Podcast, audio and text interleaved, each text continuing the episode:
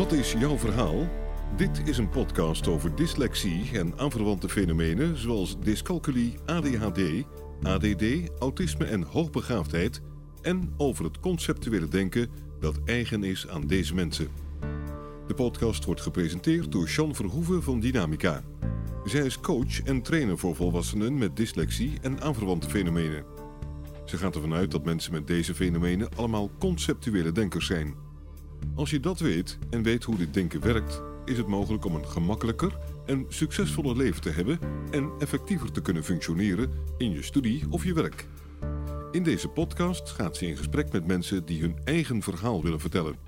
Een verhaal dat gaat over labels, hun andere manier van denken, hun tegenslagen, de voordelen van het conceptuele denken en hun succesverhalen. Jean Verhoeven spreekt uit eigen ervaring. Ze heeft zelf dyscalculie, dyslexie en ADHD. Welkom. Magiel, Ja, ik heb je gevraagd omdat ik bij de vereniging Impulswoord Blind een stuk van jou las over dat je onderzoek gedaan hebt over dyslexie bij mensen met een migratieachtergrond. En toen dacht ik, ah, hè, hè, eindelijk. Want ik spreek je vaak over hoe lastig het is voor ons als witte Nederlanders en die dyslexie. Hoe weinig het nog wordt gezien en hoe moeilijk het is en wat we allemaal eh, te horen krijgen. En laat staan hoe het is met mensen met een migratieachtergrond. Nou, daar gaan we het over hebben. Vertel, wie ben jij en hoe ben je gekomen tot dit onderzoek? ik ben eh Machiel Dijnem. Ik ben eh, 38 jaar inmiddels. Eh, beleidsadviseur Studeren Plus bij de HU. Ik ben sinds mijn, nou ik geloof dat ik mijn, vierde jaar al gediagnosticeerd ben als eh, dyslectisch. Mijn vader is ernstig dyslectisch, mijn oom is dyslectisch. En ehm, al echt van heel jongs af aan was het overduidelijk dat bij mij eh, talen eh, een probleem ging zijn. Ik ben daardoor gelukkig eh, ook wel, doordat mijn moeder er heel alert op was en mijn vader er bekend mee was, ben ik al heel jong heb ik begeleiding gekregen. Eerst bij PPI in Amsterdam en daarna bij IWAL. Later in Utrecht heb ik bij de Universiteit van Utrecht is er onderzoek gedaan naar mij. En daar zijn mensen op mijn hoofd gepromoveerd. En nou ja, het was in ieder geval allemaal... eh, het was in ieder geval overduidelijk en er zijn mensen echt wel mee bezig geweest. Mijn leven lang bijles gehad op middelbare school, basisschool. In, op de top ongeveer elke dag van de week. Mijn moeder heeft heel veel extra hulp aan me gegeven. Dus mijn hele kindertijd draaide over de compensatie van mijn dyslexie. En dat heeft wel echt gevormd wie ik ben. Want daardoor ben ik me veel bewuster geweest van wie ik geworden ben en wat ik ervoor gedaan heb om hier te komen. Mijn kindertijd heb ik niet echt als leuk ervaren, doordat ik altijd met school bezig was en met dingen die, me, die ik moeilijk vond te maken had. En gelukkig waren ook altijd wel dingen die dat weer een beetje balanceerden. Ik zie het zelf ook een beetje als een soort van balans. Dat je leuke dingen, dingen die goed gaan, tegenover dyslexie moet zetten om het een beetje voor je zelfvertrouwen en het gevoel van eigenwaarde uit te balanceren. Dus ik was altijd met muziek en theater bezig en eh, films en computerspelletjes. En ik had gelukkig daar vrienden in en dat ging allemaal heel goed. En daardoor voelde ik me ook goed in wat ik deed en was ik toch wel trots op mezelf. Maar mijn, mijn zelfvertrouwen heeft een enorme klap gekregen van die tijd in de kindertijd. Omdat het gewoon, ja, ik deed... En wat ik vooral daarvan geleerd heb is, als ik als witte Nederlander met de juiste begeleiding, met ouders die geld hebben en die geld over hebben gehad voor mijn hulp en mijn begeleiding, er al zoveel schade en moeite aan gedaan hebben, dan hoe moet het zijn gegaan als ik dat niet had gehad? Voor iemand die niet daar de ruimte voor had, die niet die kennis had, die niet de, de achterliggende infrastructuur, sociaal kapitaal, om het woord maar te gebruiken had, om dit op te vangen. En ik kan me niet voorstellen dat dat goed geëindigd was. Ik weet dat bij mijn middelbare school waren er al docenten die me gezegd hebben van ja, je moet gewoon met je handen leren werken, want eh, je gaat nooit de middelbare school afmaken. Marion van der Koolwijk was mijn basisschoollerares. Zij heeft tegen mijn ouders gezegd dat ik gewoon niet zo slim was en dat ik gewoon ben niet zo'n hoogvlieger, gaat, nooit zo ver, gaat niet zo ver komen. Gewoon lekker, laat hem lekker doen wat hij goed in is, dan komt hij vanzelf wel goed terecht. Gewoon niet te veel verwachten van die jongen. Want die kreeg later zelf een dyslectisch kind. En toen was plotseling dyslexie heel belangrijk. Dus daar ben ik best wel gefrustreerd over. Dat zij zelf zo met mensen omging die niet haar kinderen waren. En toen, maar toen het haar kinderen waren, ging ze zich erin verdiepen en had ze er een andere mening over. Als ik niet de, de, de structuur had gehad, de stevigheid had gehad, geld had gehad en de ouders heb gehad die ik nu wel heb gehad, Ja. dan was ik nooit door de middelbare school gekomen. Dan Ja. had ik nooit, of was nooit afgestudeerd en had ik nooit op mijn plek gezeten waar ik nu zit, bij de Hogeschool Utrecht als beleidsadviseur. In, adviseer ik dus het beleid van de hogeschool op hoe ze met onder andere dyslexie, maar ook andere plusjes, want het is een veel bredere functie, dus dat Ja. gaat ook over. Studeren plus is een term die wij eh, bij de Hogeschool Utrecht, en ik geloof dat steeds vaker bij meer andere instellingen gebruiken. En het is een term die eigenlijk voor alle studenten die wat extra's nodig hebben, valt eronder. Dus ook mensen met PTSS vallen eronder. Maar ook mensen die bijvoorbeeld in transitie zijn van man, vrouw, vrouw, man, Ja. iets, iets. Oh, ja. En ook eh, mensen die zwanger zijn, mensen die kinderen hebben, mensen die mantelzorgtaken hebben, vallen eronder. Dus het is een best wel heel Oh, breed ja. spectrum. Ja. Maar dyslexie is voor mij wel de belangrijkste en ik zet me daar ook het meeste voor in. En vanuit je dyslexie eh, ken je ook eh, hoe het is om met een achterstand te zitten. Ja. Want daar gaat, het, daar gaat je werk Nou ja, ik over. ben- kom uit de jeugdhulpverlening en in mijn werk, want dat is de aanleiding van dit onderzoek geweest, in mijn werk eh, viel het me gewoon op dat ik, ik had met kinderen te maken van 13 tot 18 jaar uit Utrecht, dus uit een grote stad met alle soorten culturele achtergronden die we maar bestaan. Witte Nederlanders die ik tegenkwam hadden een dyslexieverklaring. De andere kinderen hadden wel ASS, of dus autisme spectrumstoornis, en wel ADHD of ADD, of alle andere dingetjes. Maar dyslexie kwam echt alleen maar bij de, de witte kinderen. Ja, En dat klopte niet voor mij, want ik, ik, ik merkte gewoon van dat, dat...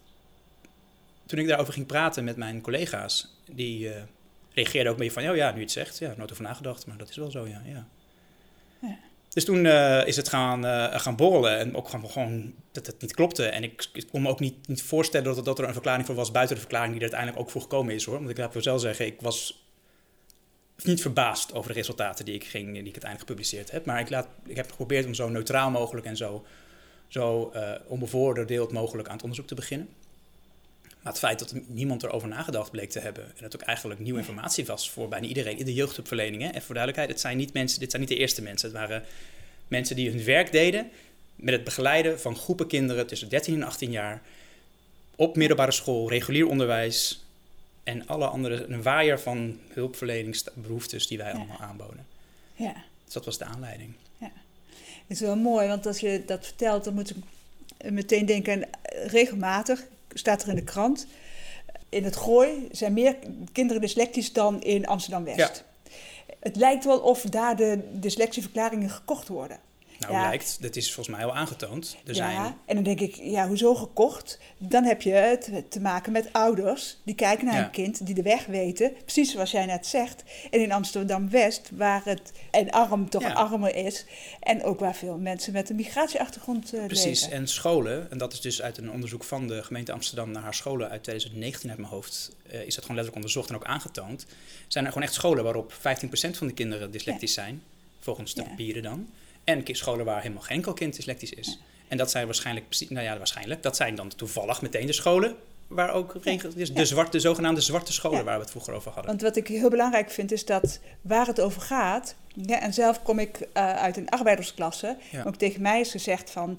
Komt uit dat gezin, dus eh, je zal wel niet zo slim zijn. Ja. En is niet gekeken naar mijn dyslexie. Waar het over gaat is als je ouders hebt de weg weten, maar ook die het belangrijk genoeg vinden dat hun kind terechtkomt daar waar ze terecht moet komen, Ja, dan, dan ga je sneller aan de slag om te zorgen dat je weet wat er met je kind in de hand is. Ik, ik, ik ben zelf opgegroeid in Beeldhoven. Maar als jij in Amsterdam-Oost niet goed op school deed, Ja. dan was dat nog geaccepteerd. Dan was dat geen probleem. Dan, ja, daar waren er zoveel mensen. Ja. Maar in Beeldhoven-Noord, waar ik vandaan kom, daar was niet goed op school goed zijn een schande.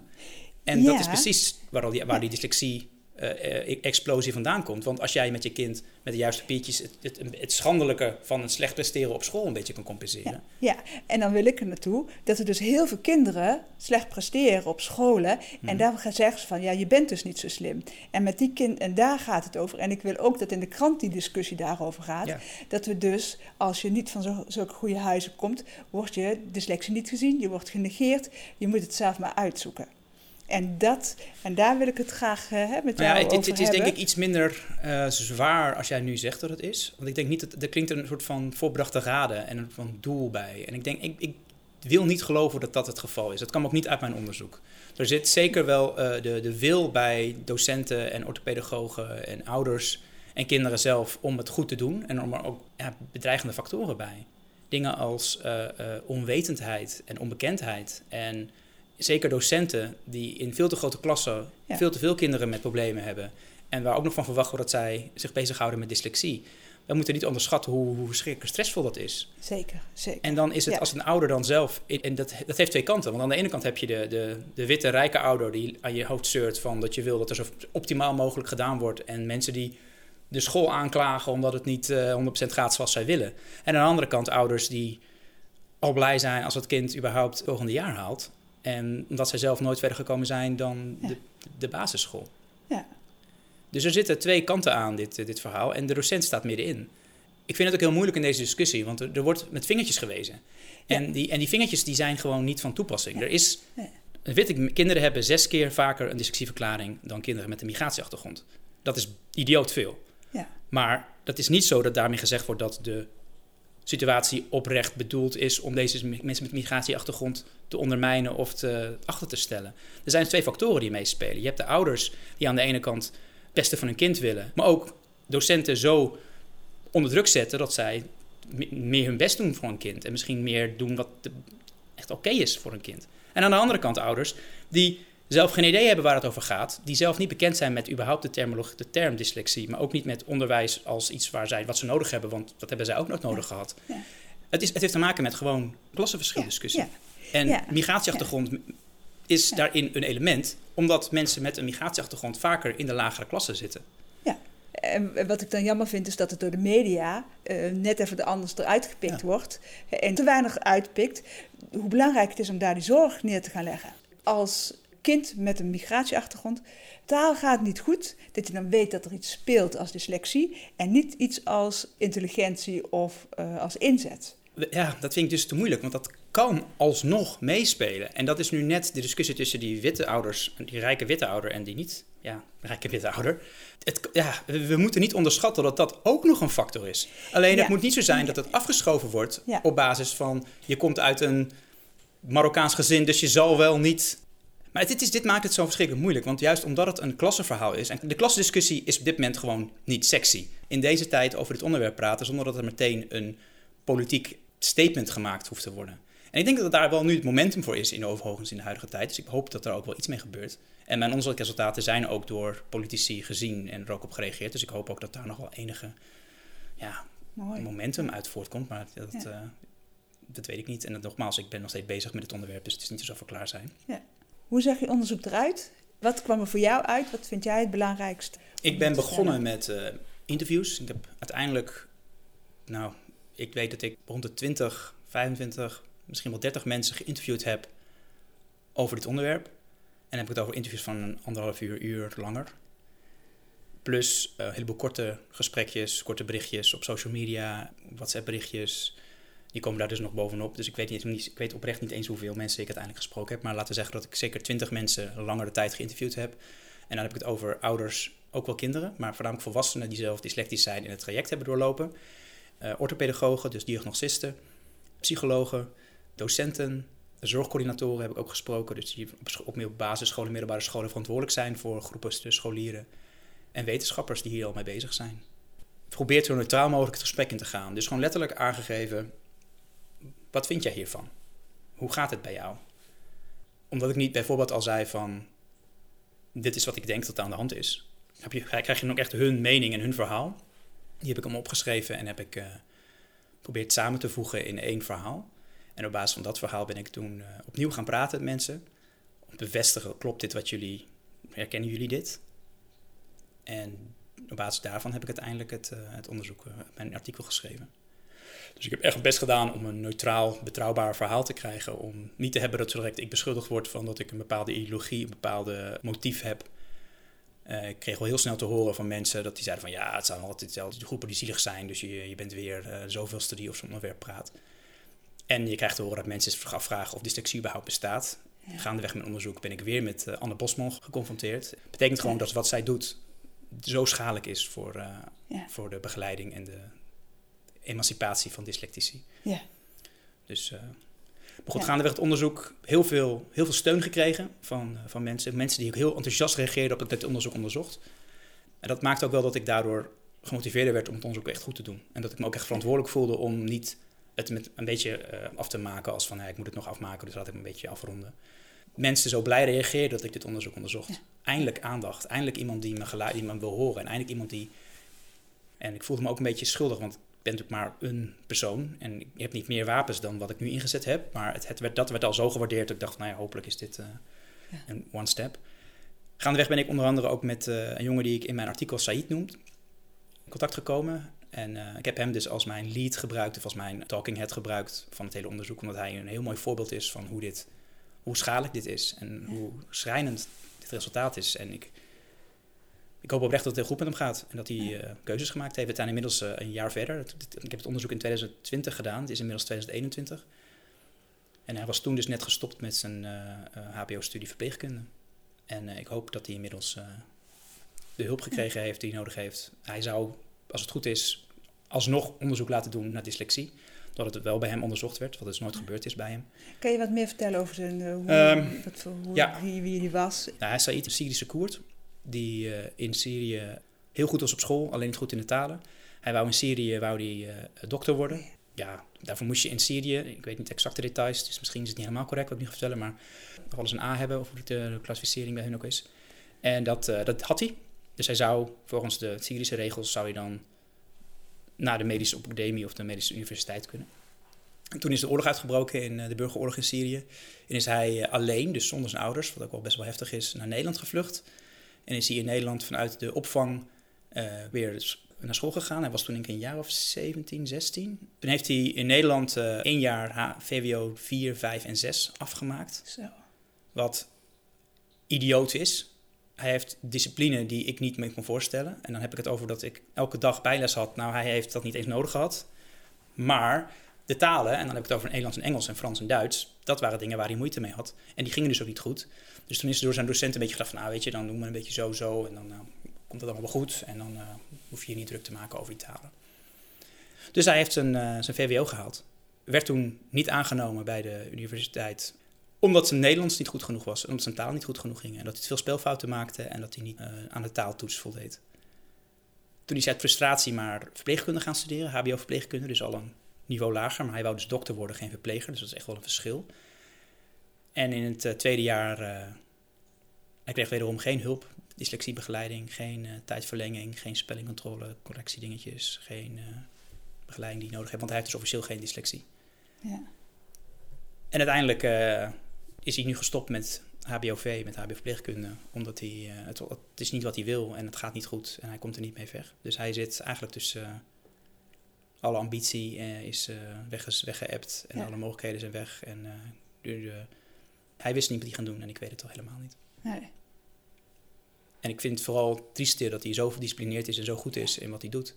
En in Syrië was het dus geen probleem geweest, als ik het goed begrepen heb. Maar hier wel. Ja.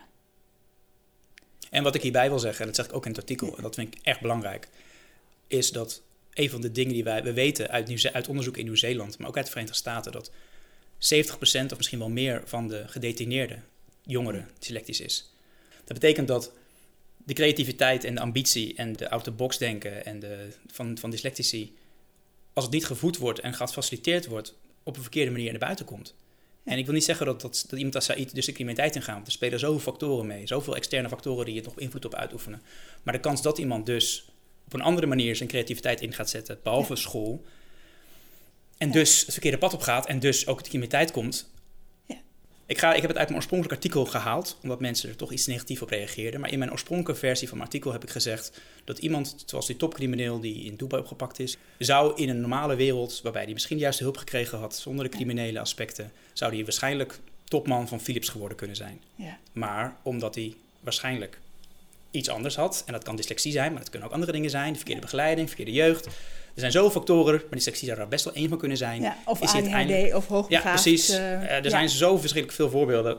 Had hij waarschijnlijk het veel verder geschopt. En als hij die hulp had gekregen, was hij dus nooit topcrimineel geworden. En had hij de Nederlandse samenleving in plaats van ondermijnd, had hij er waarschijnlijk positief aan kunnen bijdragen. En dan hadden wij er iets aan. En dan hadden dan we hadden er we heel er als- veel aan kunnen hebben. Als samenleving kunnen hebben. En nu is het iemand die waarschijnlijk doordat er zo'n dyslexie... En nogmaals, ik zeg nu alsof hij dyslectisch is. En dat is, weet ik helemaal niet. De kans is niet gezegd. Nee, maar iemand zoals hij, bedoelt. die Ja. dyslectisch is, Ja. heeft het probleem dat zijn creativiteit, zijn ambitie, zijn, al zijn energie niet kwijt kon in het Ja. onderwijs. Dus uit frustratie iets anders gaan, is gaan doen. En dus uiteindelijk het criminele pad opgegaan is. Ja. En zoals, dan ga ik het toch even nog een keer herhalen. 70% van de jongeren in de gevangenis in Nieuw-Zeeland is dyslectisch. Ja. Als je weet dat maar iets van 3 tot 5% van de mensen dyslectisch is, Zeggen ze. zeggen ze. En dat is ook maar volgens, nou goed, dat Ja. even. Hè? dat is dus een belachelijke hoeveelheid. Ja. En dan is er echt een verband tussen die twee. Waar wij als samenleving echt naar moeten kijken. Ja, ja, ja. En, dan, en waar ik dan hè, ehm, wat boos over kan worden, is dat er dan gezegd ja, zo duur, die dyslexiebegeleiding. Dan denk ik, nou, wat gaat het opleveren als we gewoon zorgen dat jongeren met het diploma van school komen en gezien worden op wie ze Ja. zijn in plaats van. En het is niet eens waar dat het duur is, hè? Want dat is Nee, een van nee, de het grote, van de over. grote problemen die ik in Ja. mijn werk... En mijn collega die citeert dit, zegt altijd... en ik heb er lekker van haar overgenomen... eh, mijn werk als, beleidsadviseur Studeren Plus... is niet het opruimen van eh, banden plakken... maar het opruimen van punaises. Ja, Dus de Mooi. route van onderwijs moet dus zo prikkel... en als prikkel misschien het verkeerde woord... maar zo gevaarloos of zo obstakelloos mogelijk worden gemaakt. Zodat niet het wiel, dus het kind of de student... wordt geplakt worden... maar dat de obstakels weg zijn. En Ja, dyslexie ja. en de heeft- negatieve obstakels. Precies, Ja. Eh, maar dat is wel heel breed mogelijk. En dyslexie heeft als grootste obstakel dat je moeite hebt met de door de algemeen gehanteerde communicatievorm van schrift. Ja. Het doel is informatie over te dragen. Het doel is iemand iets te leren. En welk middel je daarvoor gebruikt, of het nou beeld of spraak is, of letters. Want het, voor sommige mensen is het ook een ideale manier. Laten we ook niet vergeten dat het voor sommige mensen wel werkt. Daar moeten we naartoe. Dus we moeten het onderwijs erop aanpassen. En dat is niet alleen niet duur, want dat is een kwestie van gewoon Ja. opnieuw kijken naar het onderwijs. Ja. Maar dat werkt ook nog een keer voor heel veel andere mensen. En de resultaten zijn dat we beter opgeleide, beter op de samenleving aangepaste studenten, mensen krijgen die dan daarbij onze economie en dus al dat geld wat er aan geïnvesteerd wordt weer terugbetalen aan Ja. de samenleving. Mooi hoor, mooi man, mooi, mooi. Moest, toen ik eh, dat verslag van je la- las, moest ik meteen denken aan vroeger. Ik eh, werkte in het buurthuis. Dat was in het buurthuis in de Pijp, was dat. En er liep een eh, jongen rond met een migratieachtergrond. En als die binnenkwam bij ons in het buurthuis, om maar iets te doen. En het hele team reageerde op hem. Het buurthuis stond op zijn kop. Op school konden zijn ei niet kwijt. Er was het lastig kind in de klas. Maar zo slim hoe makkelijk is het om kinderen te onderscheiden, al een heel, en ook niet iedereen, maar al een hele grote groep, als je ziet dat ze gewoon dingen kunnen, dingen doen die een ander kind niet doet en niet door die talen heen komen. Wil dan, dan weet je al dat er iets is van dat conceptueel denken, of het nou dyslexie is, ADHD, hoogbegaafdheid. Maar die verveling ook van die jongen die die kreeg op school, ja, die zette die eh, en op de markt eh, waar hij al heel veel geld verdiende. En in het buurthuis eh, deed hij dat. En na vijf minuten ging hij weer. En het hele buurthuis stond op zijn kop. Nou, dan heb je allemaal ehm, sociale vakken geleerd op eh, school. En niemand kon met hem overweg. Nou, daar moet ik aan denken. En dit soort verhalen kennen we natuurlijk een hele hoop van jongeren. En hoe, hoe zij dingen kunnen verzieken. Maar ja, waarom? Omdat ze hun ei niet kwijt kunnen. En hun energie niet kwijt kunnen. En dat ze niet dat, dat zelfvertrouwen meekrijgen. Dat het oké is om hè, op een bepaalde manier slim te zijn. En dat die taal...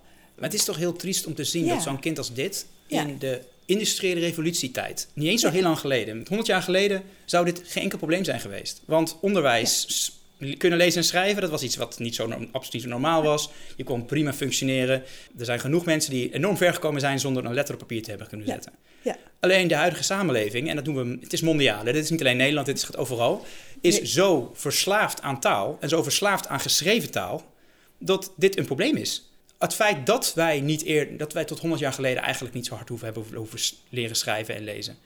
Laat alleen maar zien hoe onnatuurlijk het eigenlijk is. En dat zo'n kind Ja. daardoor belemmerd wordt. Terwijl zijn Ja. talenten en zijn, zijn kracht gewoon bij elke andere Ja. levensfase, elke fase van onze mensheid geen enkel probleem was geweest. Dat vind ik heel triest. En ik zie dat op heel veel plekken terug. Ik heb meerdere kinderen begeleid die doordat ze dyslectisch zijn, Ja, ingestort zijn. Gewoon zoveel tegenslagen, zoveel gewoon zelfvertrouwen, gewoon afwezigheid van zelfvertrouwen. Het lukt me toch niet. Ik Ja. begin niet hieraan. En ik werk in het HBO. Dit zijn nou kinderen die door het HBO, die het HBO bereikt hebben. ja, Want dat zeg ik altijd tegen mijn collega's. Wij werken hier in het HBO. Dat betekent dat een kind op zijn minst een MBO of een HAVO-diploma gehaald moet hebben. ja, Het merendeel van de mensen waarvoor wij werken, en dan heb ik het over Studeren Plus, ja. komt niet eens in de buurt van het HBO, want die vallen al af de basisschool. Ja. En als je ook nog eens een keer te maken hebt met docenten, dan kom je überhaupt niet verder dan de, dan de basisschool. Dus het is, en dan is zo'n, ik, ik, ik ben gelukkig, ik weet inmiddels uit ervaring dat zo'n jongen jij beschrijft, dat die dus eigenlijk best wel vaak heel goed terechtkomen. Want Ja. die kunnen zichzelf, die compenseren. Die leggen of ze halen een, een middelbare school omdat ze gewoon zo slim zijn en zo goed zijn dat ze die talen, dat, dat lukt dan nog, nog dat doen ze op, op nou ja, vingerspitsengevoel, zullen we maar zeggen.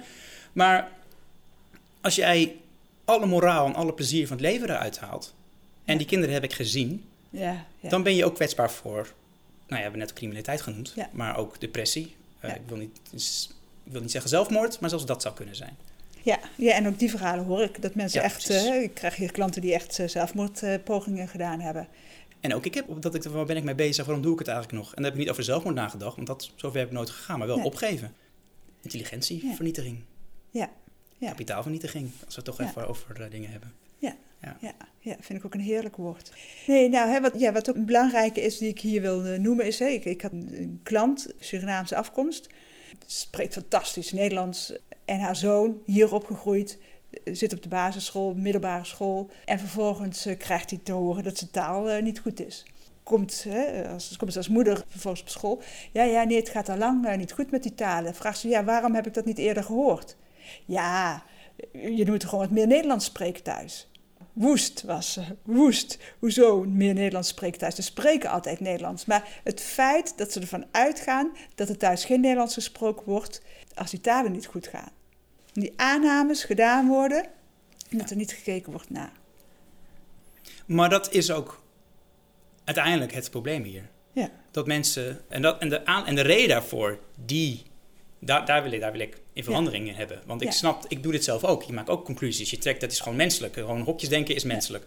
Maar we moeten als samenleving het, het afbaken, zodat dit niet een probleem hoeft te zijn. Zodat je, als je een docent hebt die misschien te, te snel conclusies trekt, dat je naar een andere persoon kan gaan die je daar kan helpen. In plaats van dat je 100% afhankelijk bent van die docent. Ja. Kijk, deze vrouw heeft tenminste nog kennis van zaken om hiervoor in actie te komen. Ja. Maar de merende ouders die ik gesproken heb voor mijn onderzoek, Ja. die hebben Ja. gewoon geaccepteerd. Oh, nou oké, dan zal het wel zo zijn. Dan moet ik mee Nederlands praten. Want deze persoon zal het beter weten dan ik. Ik weet helemaal niks van dingen. Ja. En die gaan dan heel geforceerd heel veel tegen het kind praten, terwijl dat niet het probleem is. Nee. En wat als je thuis een andere taal praat? We, we doen, dat, ja, dan ga je dan een, een familie dwingen om. Nee, want je kan niet thuis in je eigen omgeving Nee, in eh, nee. Nederlands praten als je opgegroeid bent met een andere maar het gaat taal. automatisch. Mijn moeder, Ja. mijn moeder is Limburgs en Ja. die praat Limburgs tegen mij, tegen Ja. mijn zusje en mij. Ja. Ik weet dat eh, eh, mijn- wij Limburgs gepraat hebben totdat we naar de basisschool gingen of tot we naar de crash gingen. Ja. En daarna zijn we Nederlands gaan praten en we hebben nooit meer Limburgs gepraat. Nee, En zo gaat het met alle talen, denk ik. als er maar gepraat wordt. Precies, als er maar gepraat Ja. wordt. Ja. En dan is televisie niet een goede manier. Gewoon wel menselijk contact. Televisie, dat is toch niet... eh, moet, communicatie is een wederhoor en, en één op één en twee kanten. Ja. En televisie dat- is maar één kant op. Ja, daar zeg je wat. Ik heb twee eh, pleegdochters. Mijn moeder is Tsjechisch, mijn vader is Nederlands.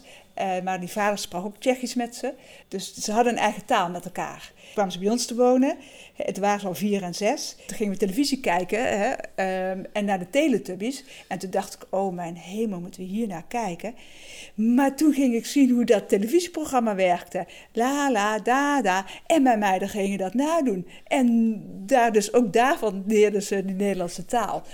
En toen dacht ik, oh... Dus toen ging ik ook weer anders kijken naar dat soort Ja, televisieprogramma's. nee, over, nee, ik, snap, ik, snap, ik denk ook wel dat, dat, er, dat het misschien iets te hard is om het zo te zeggen. En ik, Ja. ik snap wat je wil zeggen hoor. Maar het is wel of de hele dag de, mag ik dat zeggen, de Turkse televisie aan eh, staat. Of dat er een educatieve programma's zijn. Dat is Ja, en er zitten eh, sociale anders. vaardigheden bij.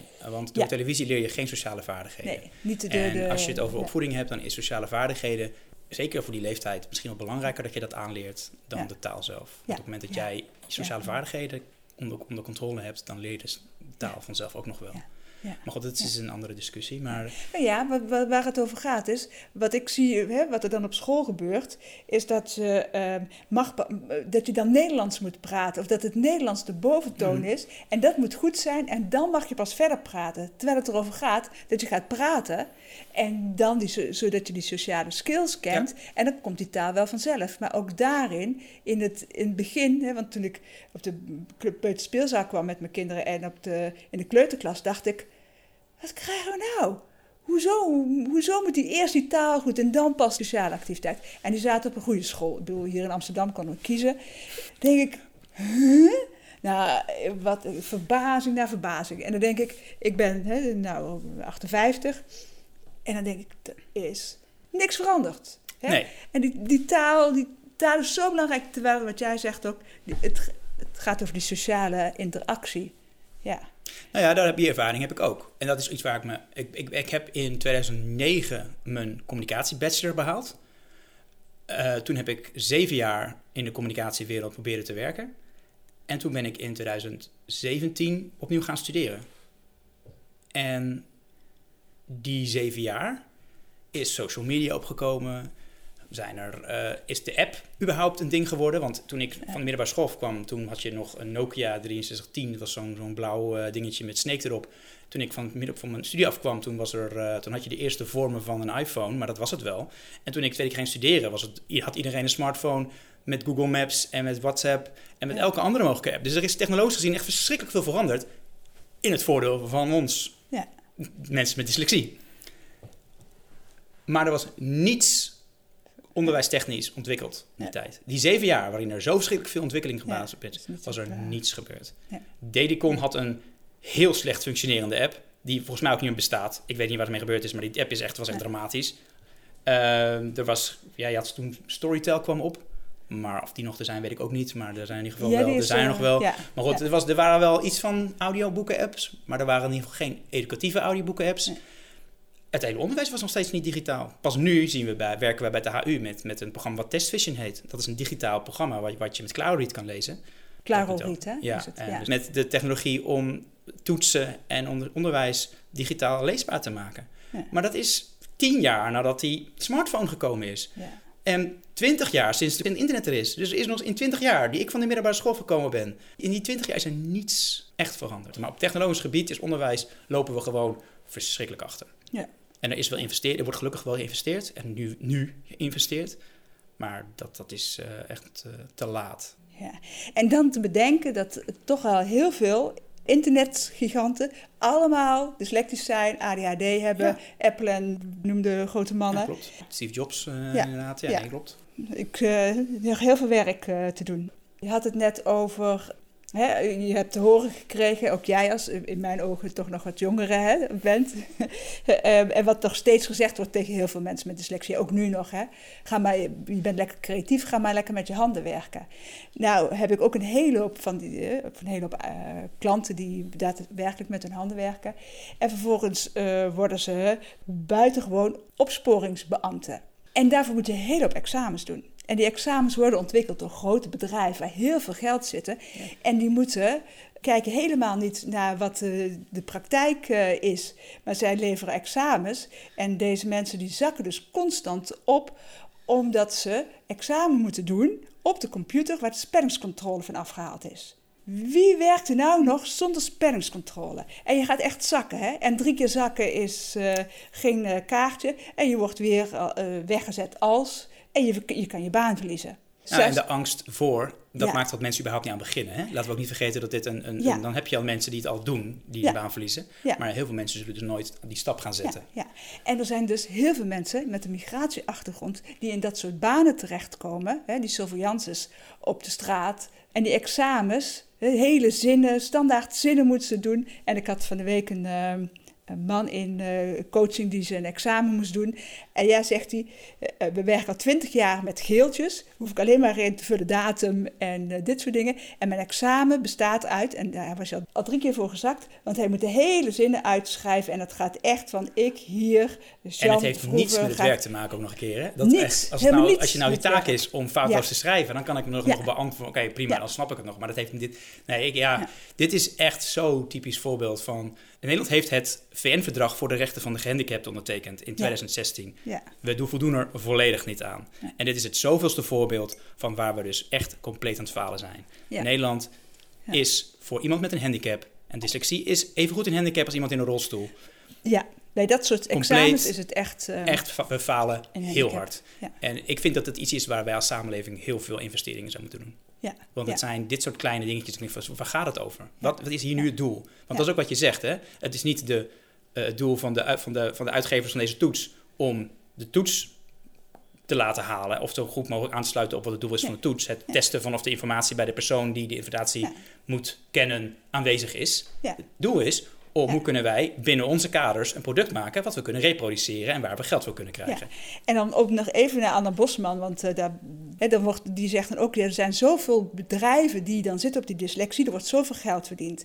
En dan denk ik, de hele overheid werkt met die buitengewoon opsporingsbeambten. En dan werkt de overheid met opleidingsbureau. Dus dat betekent, die mensen die zakken drie keer. Ze moeten vier examens per jaar doen. Ze, zakken, ze doen dus al die examens drie keer. Nou, ik kan niet rekenen, maar ik weet dat dat heel veel geld is. Daar wordt het geld verdiend. En dan hoor ik mijn klanten zeggen, en hij is er drie weken ziek van. En er zijn er dan 14.000 Hmm. buitengewoon opsporingsbeambten hebben hier rondlopen, maal drie keer. Nou, dus, dus, dus waar hebben we het over? Nee, maar ik vind het überhaupt Ja. een, een onzindiscussie. Want Ja. we vinden het de normaalste zaak van de wereld om heel veel geld te steken in andere dingen. Maar hier gaan we plotseling moeilijk over doen. Ja. Mensen sterker maken, beter maken, stabieler maken. Als iemand niet depressief wordt omdat hij die ervaring niet heeft, omdat hij dyslectisch is en er daardoor zelfvertrouwen zijn leven lang ondermijnd is, dan komt hij ook niet in de hulpverlening terecht, dan komt hij ook niet in de psychiatrie terecht, dan hebben we al die kostenposten ook niet. Dus Ja. waar Anne Bosman het over heeft, is gewoon onzin. En wat mij vooral afvraagt is wie betaalt Anne Bosman? Waar komt haar motivatie vandaan? Want ze zegt ook dat, ze de- dat andere wetenschappers het ook niet weten. Ik kan je nu aantal eh, mensen in de Verenigde Staten, mensen in Engeland, andere wetenschappers die zich hier specialiseren zeggen expliciet niet wat Anne Bosman zegt. Maar we vragen wel Anne Bosman om te gaan praten in de Ja. Tweede Kamer. Ja. Anne Bosman Ja. wordt, nou ja, ik maak er te veel een politiek ding van. Maar de CDA heeft Anne Bosman uitgenodigd om in de Tweede Kamer te komen praten. Eh, wat is hier de motivatie? We gaan even terug naar je artikel over mensen met migratieachtergrond en dyslexie. Ja. Wat, hoe is dat ontvangen? Wat is daarmee gebeurd?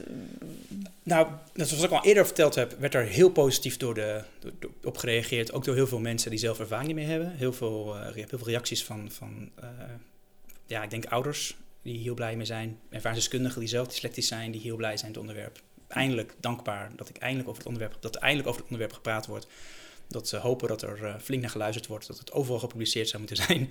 Ja. Dus wat niet gedaan is overigens. Ja. Eh, ik heb het toen het af was, heb ik het eh, aan kranten opgestuurd en aan tijdschriften aangeboden en aan belangenverenigingen aangeboden. En gelukkig is het gepubliceerd bij Impuls Wordt Blind. Andere belangenverenigingen die, eh, die vonden het te specifiek en kranten vonden het ook te, te specifiek. Dus het is door hen niet opgepakt. En ik vind dat heel jammer. Zeker omdat de NRC in die, rond diezelfde tijd actief bezig was met dyslexie en met onderwijs en onderwijsvernieuwing. Dus eh, dat is nooit opgepakt. Ik heb het ook opgestuurd naar eh Bijeen en naar GroenLinks. En die hebben er allebei heel positief op gereageerd. Het probleem is wel dat het in eh, maart ongeveer bij hen terecht kwam. En toen was net de verkiezing actief bezig. Dus ik hoop dat eh Lisa Westerveld, Tweede Kamerlid van GroenLinks... en iemand die zich actief bezighoudt met dyslexie... ook degene die samen met een man waarvan ik de naam even niet weet... van D66 ook de vragen, Kamervragen gesteld heeft over Dedicon... en over waarom Ja. de, de, de doelgroep van Dedicon niet uitgebreid wordt. En hij is een van de voorvechters daarvan... eh, dat hij het op gaat pakken. En nogmaals ook, even af te Ja. maken, ik heb het ook naar de bijeen opgestuurd. Daar heb Ja. ik ook positieve reactie op gehad, maar niet specifiek een, een, een, iemand die me er verder informatie over gegeven heeft. Maar nu bijeen is natuurlijk een relatief jonge partij met allemaal nog eh, in echte ontwikkeling. Ja, ik Ja. me voorstellen dat Sylvana Simons, eh, de partijleider van bijeen, het heel druk heeft en er geen ruimte voor heeft op dit moment. Ja. Maar ook zij hebben het ontvangen en ook zij hebben er positief op gereageerd. Ga je er nog verder iets mee doen met eh, dit onderwerp? Want je bent er zo bevlogen over. Ik ben nu, eh, ik heb dus een communicatiebachelor gehaald. En toen ben ik in 2017 opnieuw gaan studeren en toen ben ik sociaal werk gaan studeren. Toen heb ik eerst eh, in deeltijdvorm. Dus daarnaast werkte ik eerst in Amsterdam bij, bij Jellinek en daarna in Utrecht psychosociale pedagogische interventies. En daar werkte ik dus met kinderen. En ik ben nu beleidsadviseur bij de HU. En dat, ik merk dat ik dit werk wat ik nu doe, dat dat echt aansluit op wat ik wil gaan doen. Ik ben veel meer een beleidsmaker dan een hulpverlener. En ik vind het, Ja. eh, het geeft me ook de ruimte om echt belangen op te komen voor de belangen van Studenten Plus. En om echt een, iets te doen om voor, vooral voor mensen met dyslexie. En ik zie dat ik eh, eh, daar veel ruimte in krijg bij de HU, dus daar ben ik echt heel blij mee. Ja. Dus ik zie op dit moment mezelf daar. En verder, ja, ik, ik zou heel graag hier verder mee gaan. Ik weet dat er ook wel op, op, eh, vanuit de inclusie, de, inclusie en diversiteit is best wel een hot topic. En ik hoop dat dit onderwerp daarin in in meegekomen kan worden. Dus eh, ja, misschien dat ik eh, verder ga. Ik, zou, ik merk dat ik heel erg bang ben voor het studeren van een van, voor, om een master te gaan doen. Omdat ik gewoon heel bang ben dat de onderwijsmiddelen die ik nodig heb niet beschikbaar zijn in, in audioboekvorm of in pdf-scanvorm. En dat ik dus niet in staat zal zijn de boeken te gaan lezen die ik moet doen voor een master. En eh, ik publiceer hier overigens een artikel over, eh, waarschijnlijk is die al uit als jullie dit eh, lezen, over studeren met dyslexie. Over dat ik ja, ik ben echt heel afhankelijk van of de boeken die ik nodig heb om te kunnen studeren in, in pdf-vorm of in audioboekvorm beschikbaar zijn. En hoe kleiner, hoe meer niche de onderwerp is, dus master is maar een heel kleine populatie, hoe minder kans dat die boeken voor mij beschikbaar zijn. En dan ben ik bang dat ik het gewoon niet kan. Ja. En dan zie je mijn eigen, toch mijn eigen onzekerheid en toch uh, uh, jaren aan ervaring met het niet kunnen. En dat ik dan mm, toch niet durf te beginnen aan ja. zoiets. Ja, uh, ja, mooi. Ik zeg altijd mooi, maar het is niet mooi. En dan zie je dat je van zo ver gekomen bent. En dan, dan toch weer die zelfvertrouwen. Ja, dat komt ook omdat ik goed weet wat er allemaal mis is. En dat er allemaal nog verbeterd moet worden. En dat ik ja, ik, ik kan wel heel erg uh, bevlogen en heel erg bewust zijn van wat ja, allemaal speelt. Ja, ja, maar hier kan ik niks tegen doen. En dan ben ik plotseling toch ook weer de zoveelste dyslectische student die daardoor, door zijn dyslexie, niet verder komt in het Nederlands onderwijssysteem. Ja, nou, dan nodig ik je bij deze uit om eens twee keer langs te komen voor dat snel lezen. En dan kan je die master gaan halen.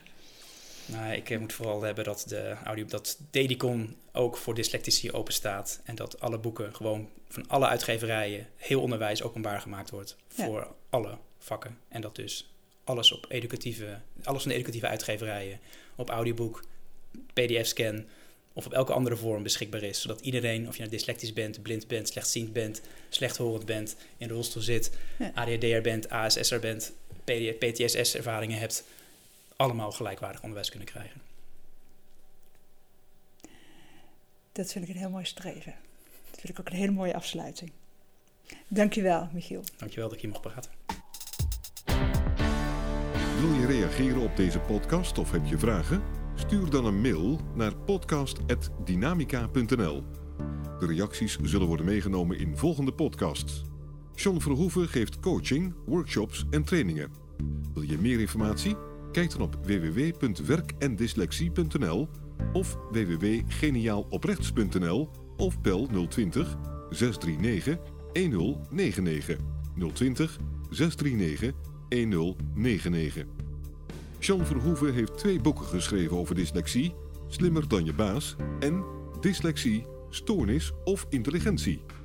Deze boeken zijn te koop in elke boekhandel. Stuur de podcast door naar iedereen waarvan je vindt dat ze meer zouden moeten weten over dyslexie, ADHD, ADD, dyslexie, dyscalculie, autisme en hoogbegaafdheid en het conceptuele denken. Deze podcast is gemaakt in samenwerking met Marcel de Hoog van Storytelling Media. Hij verzorgt de technische, redactionele en morele ondersteuning. Tot de volgende aflevering.